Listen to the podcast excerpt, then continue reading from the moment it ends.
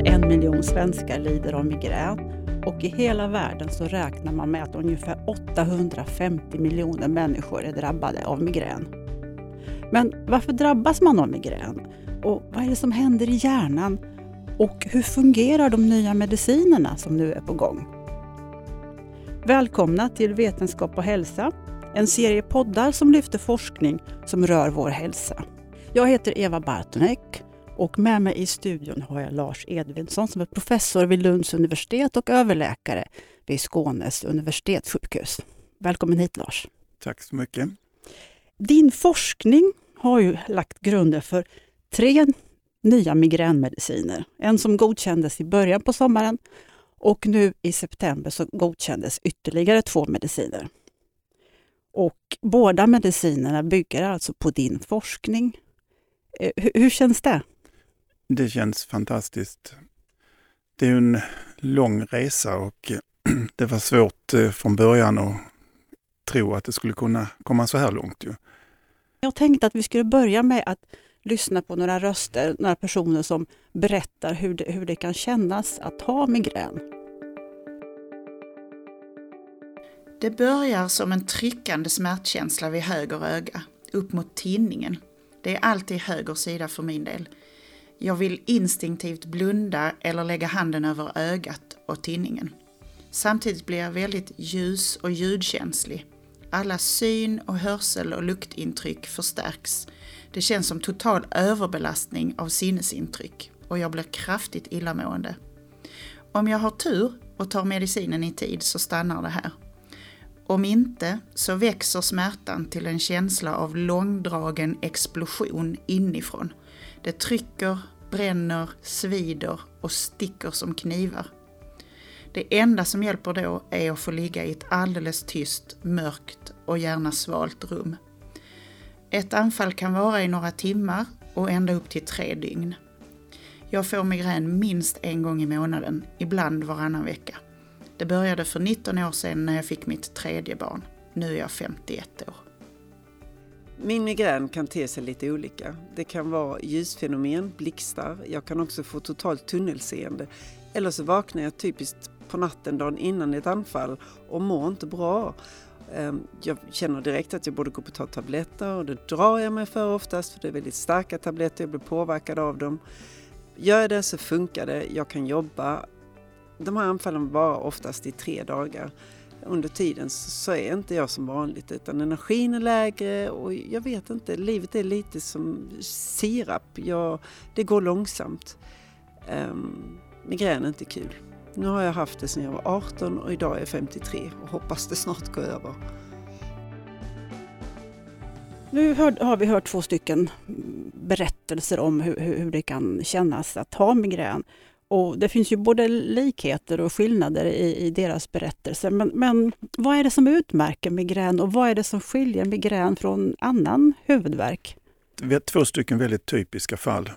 Eh, och eh, i början på dem så skiljer de sig redan från början. Den ena har ljusfenomen eh, och väldigt fokuserad kring detta i starten och det heter aura.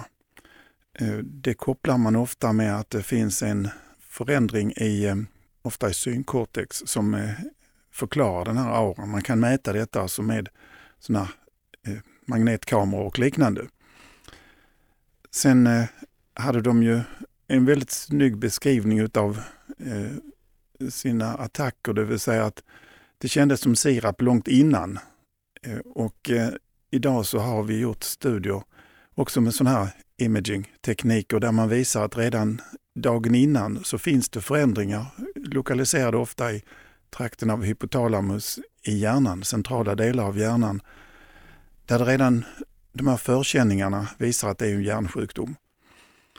Sen eh, kommer då själva huvudvärken och då har man följt patienter med dagliga imaging eh, genom flera stycken perioder och då ser man att den här initiala aktiveringen i hypotalamus, då sprider den sig till talamus och hjärnstammen och där finns ju de centra som reglerar ska vi säga, illamående och kräkning, eh, de som har med ljud och ljudöverkänslighet. Och sen sprider det sig till det här trigeminussystemet och vad är det för någonting? Det är då trigeminusgangliet som sitter under hjärnan som kopplar samman alla strukturer i huvudet, ansiktet med hjärnan. Och Det är där som smärtan kommer fram. Och sen glider det över så småningom att attacken går över. Om de nu inte skulle ta sin medicin så kan de få så pass ont så många patienter har på den här VAS-skalan, det vill säga hur man kan gradera smärta från ingenting 0 till 10 som är det värsta. Somliga de kommer då få alltså någonstans 9-10, så att det är fruktansvärt att ligga flera dagar och eh, lida på detta sättet. Samtliga de här faserna i migränanfallet finns då dokumenterade i många studier att det sker i hjärnan. Det vill säga detta är inte någon psykosomatisk sjukdom som det har varit tidigare, utan det här är någonting som händer i hjärnan, det är en hjärnsjukdom. Kan man inte ha väldigt, en väldigt kraftig huvudvärk utan att det är migrän? Alltså vad, vad är skillnaden just mellan migrän och annan svår huvudvärk? Ja, visst kan man det. Det finns ju nu klassifikationer utav migrän. Och då är det så här att man har ensidig huvudvärk, man har eh, eh en attack då med smärta som då är någonstans på VAS-skalan ska vi säga över 4 och uppåt. Den håller i från 4 till 72 timmar och sen har vi då illamående, kräkningar, ljud och ljudkänslighet. Och sen som sagt i en fjärdedel av patienterna så föregås det här utav det här aura-fenomenet. Detta är alltså den allmänt accepterade. När det gäller spänningshuvudvärk så är det ofta som ett band runt pannan och kommer kanske från muskler i nacke och hals. Och eh, man har gjort imaging på dem också. Eh, där händer ingenting i hjärnan i princip. Vad är det som utlöser migrän? Finns det liksom några typiska triggers till det? Ja, detta har man också diskuterat väldigt mycket och länge. Och eh, då kan vi säga att, att detta är ju till viss del en genetisk sjukdom. Och man har ärvt en benägenhet. Man har nyligen gjort ett sånt här jättearbete där man har tittat på nästan 400 000 migränpatienter och tittat på gener hos dem. Man hittar ett 44 stycken som är intressanta. Alltså det är många gener som kan vara involverade och samspela. Men det gemensamma nämnaren det, det är att de här konvergerar mot att förändra ska vi säga, retbarheten utav nervcellerna i hjärnan. Så att den som då har de här ärftliga benägenheten får då lättare utlöst migränanfall än andra som inte har det. Mm. Det pratas ju om att rödvin ger migrän, choklad ger migrän, eh, starkt ljus eller något sånt. Ligger någonting i det? Eller? Eh, jag ska inte svara direkt, men jag ska ta och berätta lite kring det här istället. Eh, det första var en, en eh, docent i Uppsala som fick ett stort anslag och skulle just testa med den nya PET-kameran hon hade fått denna frågeställningen. Det vill säga beställde då in en, ett tiotal patienter som, som garanterade att de fick migränanfall när de drack just detta vinet. Och de satt utanför hennes PET-kamera och väntade på att få sitt anfall och drack flera glas vin. hände ingenting. Så det blev nedlagt. Och nu när jag var precis eh, på ett möte, huvudverksmöte, huvudvärksmöte, då berättade Arne May, som är väldigt framstående forskare i eh, Hamburg. Ja, det verkar nästan omöjligt att utlösa detta. Han har ju följt patienter, som jag sa innan, dagligen med imaging genom attacker och han hade också provat med att ge dem de här rödvin och allt möjligt annat. Och så frågade vi honom, ja men kan man inte utlösa det? Jo, sa han, det kan man, men då måste man ha det här dåliga rödvinet, man får se till att de inte kan sova på en, ett dygn, de ska inte äta och, och de ska stressa, de ska springa i sjukhuset upp och ner för trapporna. Då kan man ibland utlösa ett anfall. Så det här som man säger, när, när jag kommer hem på fredagen och eh, nu tar jag mitt glas vin, badunk, så kommer huvudvärken. Men det är nog så att det släpper garden och då kommer det, så associerar man med vinet, men det är kanske inte det, utan det är att man pustar ut. Ja, så att vinet, det här med rödvinet, det är någonting som samvarierar med andra saker? Då, så. Ja, mm. det är min tro i alla fall. Du har ju varit inne på det lite redan, men jag tänkte att, vi skulle, att du skulle få förklara lite mer. Eh, vad är det som händer i hjärnan vid ett migränanfall? Patienterna brukar klassiskt kunna säga att nu känner jag att det är på gång. Och eh, då har de gjort sådana här imagingförsök. Och då kan de säga att i hypotalamus så börjar det röra på sig, där är lite aktivitet. Mm, nu får du också förklara hypotalamus. Ja, det är ett område mitt inne i hjärnan som har mycket med att göra med ska säga, endokrina funktioner, alltså hormonbalanser och annat. Och givetvis så kommer du förstås du in och undra på det här med manligt och kvinnligt. Alltså det är ungefär tre gånger vanligare hos kvinnor än hos män. Vi har inte förklaringen på det ännu, men i alla fall, mm. det är det området man tycks förlägga startpunkten och den kan börja innan man har symptomen. Och sen kan man då se hur detta här, det finns en ny term som jag inte kan översätta, heter connectivity. Det vill säga hur det här eh, ska säga, sprider sig eller det är kopplat till talamus som är en sån här relästation mitt inne i hjärnan också, nära hypotalamus som sänder signaler till olika andra områden. Och sen så ramlar det ner till hjärnstammen där, där då eh, vi har förbindelserna till smärtbanorna. Mm. Men, men, men det, är så att säga, det är aktivitet i nerverna som på något sätt mm, är starten för, för ja, migränen? Ja, visst. Mm. Migrän är ju inte någon ny sjukdom, utan vad jag förstått så finns det beskrivet sedan långt tillbaks. De gamla egyptierna beskrev det och de försökte tydligen behandla det med en sorts lerkrokodiler på huvudet. Och, eh, det finns beskrivningar från romartiden och de använde sig av elfiskar, hur det nu gick till. Mm. Men jag antar att det inte var några framgångsrika behandlingar. Men hur ser det ut idag? Vad, vad, har sjukvården att erbjuda till migränpatienter? Jag kikade lite på 1177 och där så pratar de ju om någon sorts behandlingstrappa, att man börjar med vanliga värktabletter och sen om det inte hjälper plussa på. Kan du berätta lite grann eh, översiktligt hur, hur, hur, vad det finns för mediciner och så idag? Det är ju riktigt. Alltså, ofta så rekommenderar vi att man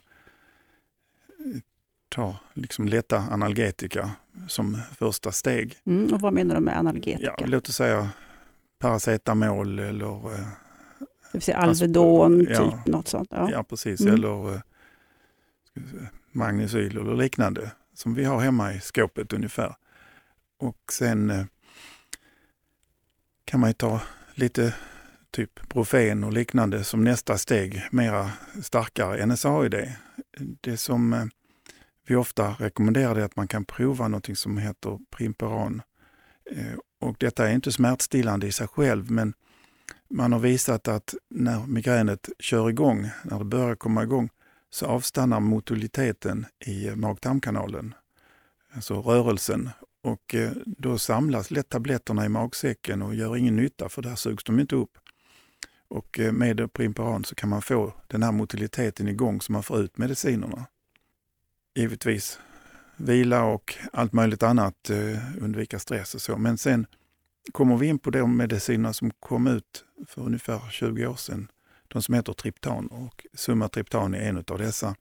Men eh, vi har kommit fram till nu att Sumatriptanet har en nackdel, det vill säga det är kärlsammandragande och därför så är det inte tillrådligt alltid om man har angina pectoris eller högt blodtryck. Då får man vara försiktig.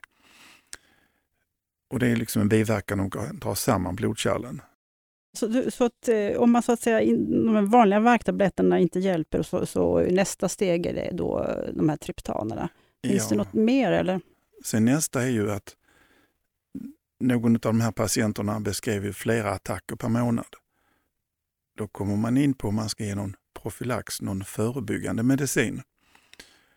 Och eh, då har vi ju har vi några stycken som vi använder idag. Det är till exempel betablockerare. Det är Candesatan som en angiotensinreceptorblockerare. Vi har eh, till exempel Saroten som ett gammalt psykofarmaka och sen är det då Topimaut som är en epilepsimedicin.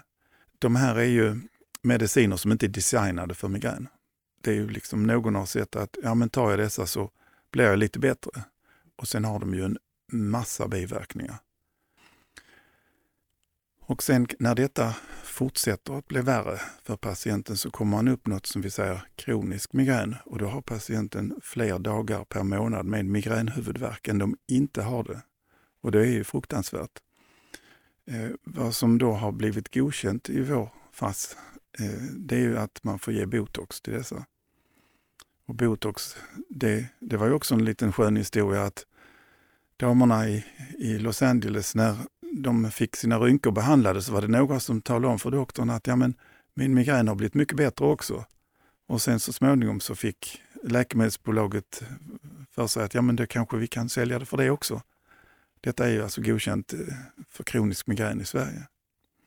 Hur eh, många är det som, som har så att säga, riktigt svår migrän där, där mediciner inte hjälper eller hjälper väldigt lite? Finns det någon mm den siffra på det? Ja, den statistiken som jag känner till här för Sverige, det är alltså 100 till 200 000 har då kronisk migrän.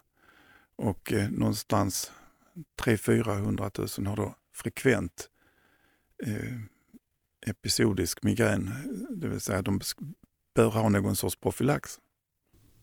Långt ifrån alla blir alltså hjälpta av dagens mediciner och en del av medicinerna har visat sig ha svåra biverkningar. Och om man ska sammanfatta det väldigt kort så har du visat i din forskning att en signalsubstans i hjärnan, en liten molekyl som förkortas CGRP, spelar en central roll vid migrän.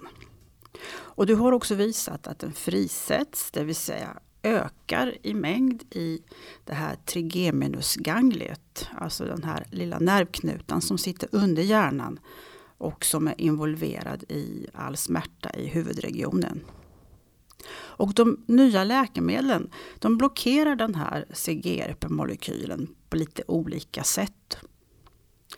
Eh, men det de har gemensamt är att de stoppar eller dämpar den här smärtsignalen. Men vägen hit har varit lång och inte alltid så spikrak. Och det hela började redan i början på 80-talet. Kan du berätta vad det var som hände då? Jag har länge haft intresse för hur de här perivaskulära nerverna reglerar blodflödet i hjärnan. Och vad menar du med perivaskulär? Alltså om man tittar på ett blodkärl så i de yttersta lagren så finns det då olika typer av nervtrådar. Sympatiska, det vill säga de som reglerar hjärtat och blodtrycket för, för det ska öka. Sen parasympatiska får då slappna av och sen har vi de sensoriska. Så att det var de jag har hållit på att kartlägga under väldigt lång tid. Och sen då, så att säga 1983 så kom det en rapport från eh, San Diego där eh, man hade gett sig på att, att kartlägga den genen som tillverkar kalcitonin och kalcitonin sitter ju i tyrodea, sköldkörteln och har med omsättningen av kalcium i blodet. Sen fick de för sig att ja, men det kan ju vara så att kalcitonin finns kanske i hjärnan. Det kanske kan finnas en central reglering av kalcitonin. Så började de leta där och då visade det sig att den genen som tillverkar kalcitonin, när man kommer in i nervvävnad så tillverkar den inte kalcitonin utan kalcitonin, genrelaterad peptid. Så att det blir liksom en annan typ av expressionsprodukt. Mm, den här CGRP då? Precis. Och det var då som vi tyckte det här låter intressant. Ju. Vad, vad, lärde du dig då om, om, om den här molekylen? Vad var det första du kom fram till? Första resultatet? Det första resultatet var att den här, den här molekylen sitter i trigeminusgangliet i eh, hälften utav nervcellerna där. Mm. Och, den eh, kallas också för trillingnerven? Det kanske, ja, ja, precis. Mm. Och eh, det andra var ju att det var en oerhört potent vasodilator. Alltså Vilket innebär? blodkärlsavslappande. Och då, då, det var då du gjorde din första publikation med den här ja, precis. molekylen? Då. Ja, vad fick du för reaktion på den? Ja, ingenting. Faktum är att eh, nu så här efteråt så var det fantastiskt att jag klämde i mig att det här har med att göra med migrän. Det var en, eh, så att det har jag haft stor nytta av nu för då det är det ingen som kan ta den bollen. Nej. Eh, för forskarvärlden eh, tänkte på en annan substans då. Man, man trodde att det var en annan substans som på något sätt hade med migrän att göra. Ja, det gjorde man inom hela smärtområdet. Och det var en, en annan sån här molekyl som heter substans P. Och eh, forskningsfältet eh, var helt fokuserat på detta. Så att när jag kom med CGRP, att det här är, här är lösningen, så tittade de ungefär bort och så sa vi har nog av det andra. Och sen fortsätter du då att forska på den här ja. GRP-molekylen. Vad var det som drev dig detta? Ja, alltså, det måste jag nog säga att jag, det som driver mig det är att jag ser ljuset i tunneln. Sen eh, fick jag kontakt med en australiensisk uh, ung neurolog och tillsammans så tittar vi på patienter. Vi, de kom in till akutmottagningen och hade migränsmärta och eh, vi bad att få in, första gången så var det liksom två blodprov, ett från armvecket och det andra på en halsven. Och då visade det sig då att när vi tog på halsvenen så hade migränpatienterna frisättning av denna molekylen enbart och aldrig utav substans P. Så att, eh, och ett par år senare så gjorde vi om en större studie på detta när vi gav dem också behandling med sumatriptanet. Och då kunde se att smärtan försvann och CGRP normaliserades och även då ingen förändring i substans P. Så nu har du kommit så långt, då är vi någonstans 1990 394. Då hade du alltså eh, lyckats visa att det här CGRP det stiger under ett migränanfall och när man ger den här behandlingen då så, så, så sjunker halten igen. Då, så att där kunde man visa på en tydligare koppling till, till migrän. Ja, visst. Och du publicerade givetvis detta, men vad sa forskarsamhället ja. då? Ja, jag kan väl säga att jag stod på något, någon sån stor konferens och berättade om detta eh, för någon tusen människor och eh, jag tyckte väl i princip att de var korkade som inte fattade det här. Eh, men det jag kommer ihåg, den enda frågan som kärlmannen hade då som så liksom, ja men eh, substans P då, ja men det frisätts inte, sa jag, det har ingenting. Ja men är du säker på att du kan mäta detta ordentligt? Är det inte fel på din mätmetod? Men eh, som sagt var, Substans P levde kvar eh, ända fram till ska vi säga, 1999 när man hade gjort färdigt alla kliniska studier och eh, gjorde en sammanfattande översikt. Och, eh, det var värdelöst. Det fanns inte tillstymmelse till effekt. Och då börjar man tro på din teori då istället? Ja, då började eller? de titta runt istället med den här svensken, vad det nu han höll på med. Ja. Eh, och då befinner vi oss i början på 2000. 2000 då. Och då var det också ett läkemedelsföretag som började intressera sig för, för den här signalmolekylen, då, CGRP. Hur, hur tänkte man? Hur mm, var medicinen, så att säga? Vad var tanken bakom den? Ja, alltså det, det företaget är tyskt. Eh, företag som, som hade en så att säga, grundstruktur och eh, de letade så att säga efter någonstans där det kunde verka och när de då fann att den här kunde blockera CGRP så frågade de mig så gjorde jag lite studier med dem och kunde visa att den fungerar alldeles utmärkt som en CGRP-receptorblockerare. Här tror jag att vi måste förklara lite kort hur den här signalöverföringen mellan nervceller går till. När den elektriska signalen kommer till slutet på en nerv så måste den ta sig över en så kallad synaps som är en liten klyfta eller ett mellanrum mellan två nervceller. Och det sker på kemisk väg med hjälp av signalsubstanser som utsöndras från den skickande nerven och tas emot av så kallade receptorer på den mottagande nerven. Och när de har gjort det så kan den elektriska signalen sedan fortsätta i den mottagande nerven.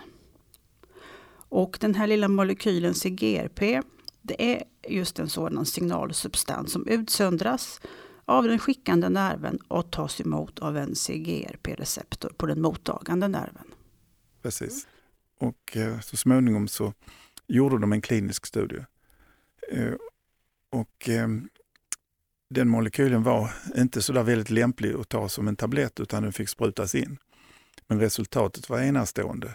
Eh, den hjälpte mot migränanfallen men de kunde inte komma vidare. Men i den vevan så hade många amerikanska bolag intresserat sig och gjorde egna molekyler. Så var jag med på den resan och eh, hjälpte dem att karaktärisera och även vara med i kliniska studier.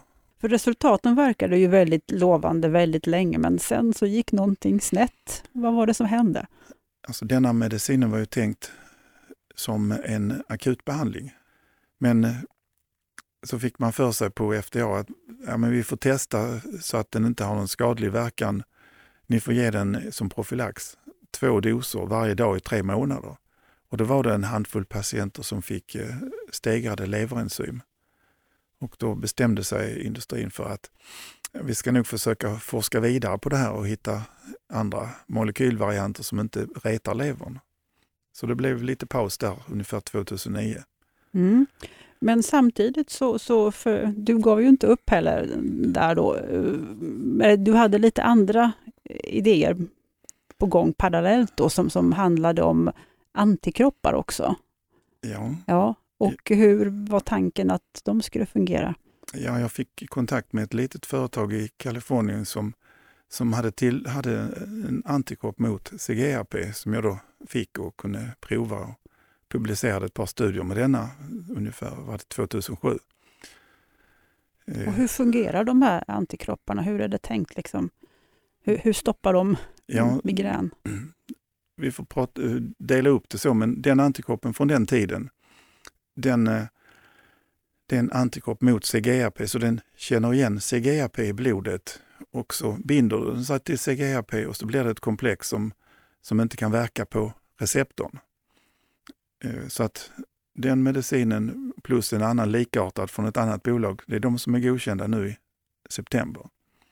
Så att de tar, jag brukar säga det är ungefär som en sån här gammal Pacman, den kör runt och samlar ihop dem. Det är den typen, så att de tar den aktiva molekylen.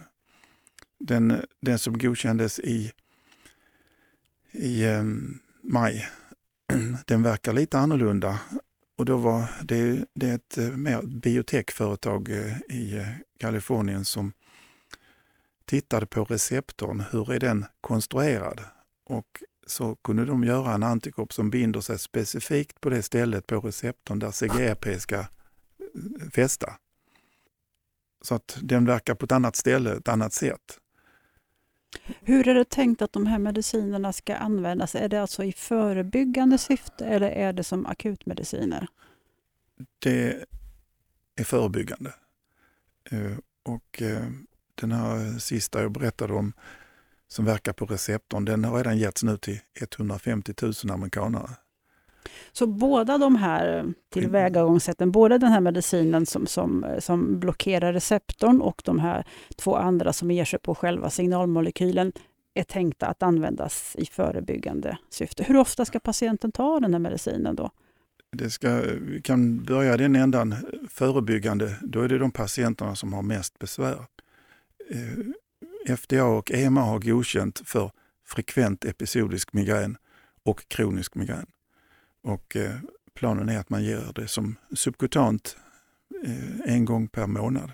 Att man får en spruta helt enkelt? Ja visst, mm. och idén är att kanske första gången så träffar man sin doktor och får se hur man ska göra, men sen ska man kunna göra det själv hemma.